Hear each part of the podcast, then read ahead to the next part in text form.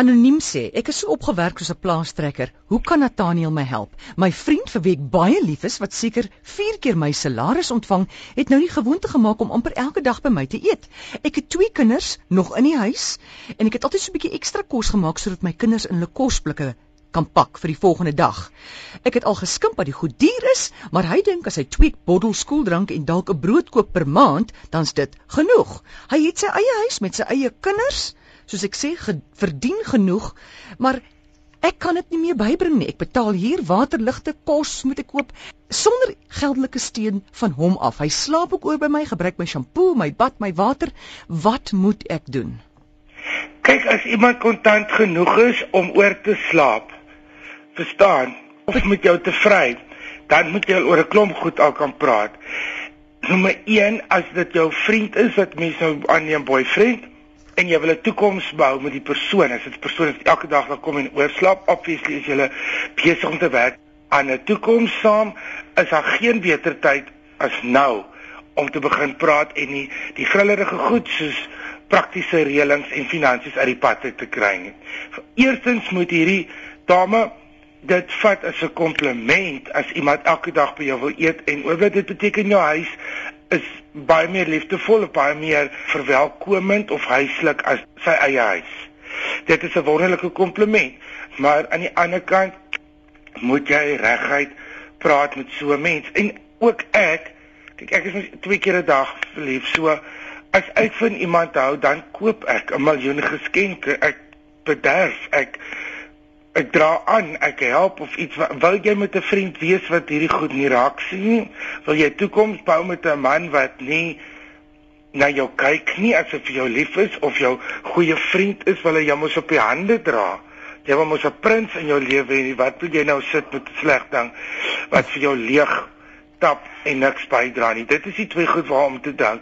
As jy nog steeds besluit sy ander eienskappe so fantasties plaat reguit met hom, wat eendag is eendag. Is eendag slaat jy van dood met 'n baksteen omdat dit in jou opgewerk het en jy het nooit daaroor gepraat nie. Praat is die gesondste ding. Dan sê Liesel, Kinderpartytjies deesdae kos baie geld en almal het tema partytjies. Tog doen bittermin ouers die moeite om te antwoord op 'n uitnodiging. Of nog erger, laat weet dat die kind daar sal wees en daag dan sommer met die rits boeties en sissies op om saam partytjie te hou. Ek het eers gedink dit is net 'n stedelike ding, maar nou is ek in die platteland en dit gebeur nog steeds. Soveel ander ma's voel ook so. Wat doen 'n mens? Dit is doodongewone onbedagsaamheid. Die groot ding hier is om die uitnodigings duidelik te maak. Ek het nie eens geweet dat mammas woon kinders se partytjies in die hordes by. Dit het ek eers onlangs met my peetkinders geleer.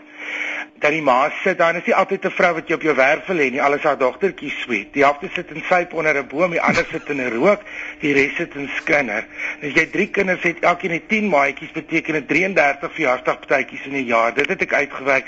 Is 2 weke se werkdae. Jy kan jou lewe verander in daai tyd. Die uitnodiging van kinders moet gestuur word aan die maatjies. En dit is hoe mens baie maklik by jou kind uitvind wie kom en wie nie is by die skool. Die maatjies weet klaar alles. Kinders is baie meer besig met 'n netwerk as wat ons besef. En dan moet daar duidelik op die uitnodiging staan. Die kind kan so laat afgelaai word en so laat opgelaai word. Adele wil graag die dag met haar nege beste maatjies spandeer. Maak dit duidelik. Maak dit ook vir die benoude ouers duidelik.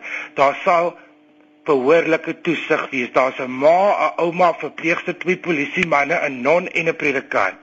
Dat as dit is wat dit kos om hulle van jou werf af te haal, maar maak dit baie baie duidelik vooraf.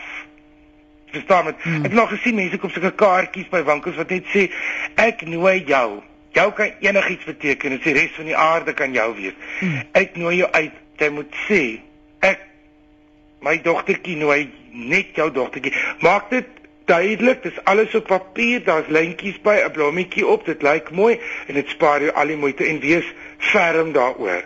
Hierdie goed dat mense so opdaag met kinders jou huis leeg vreet, maar ouer kinders wat nie daar hoort nie, ja. mamas wat nie daar hoort nie wat jou huis sit en kyk en jy kan ook nie behoorlike toesig oor 'n kind hou as jy nog die mamma moet kook en tee soos ons nou vandag geleer het met koek en koffie en tee. Mm en asbakke omruil en al die geskinder aanhoor. Dit dit is net onhoflikheid. Mense moet net van die begin af duidelik maak hoe werk jou partytjie.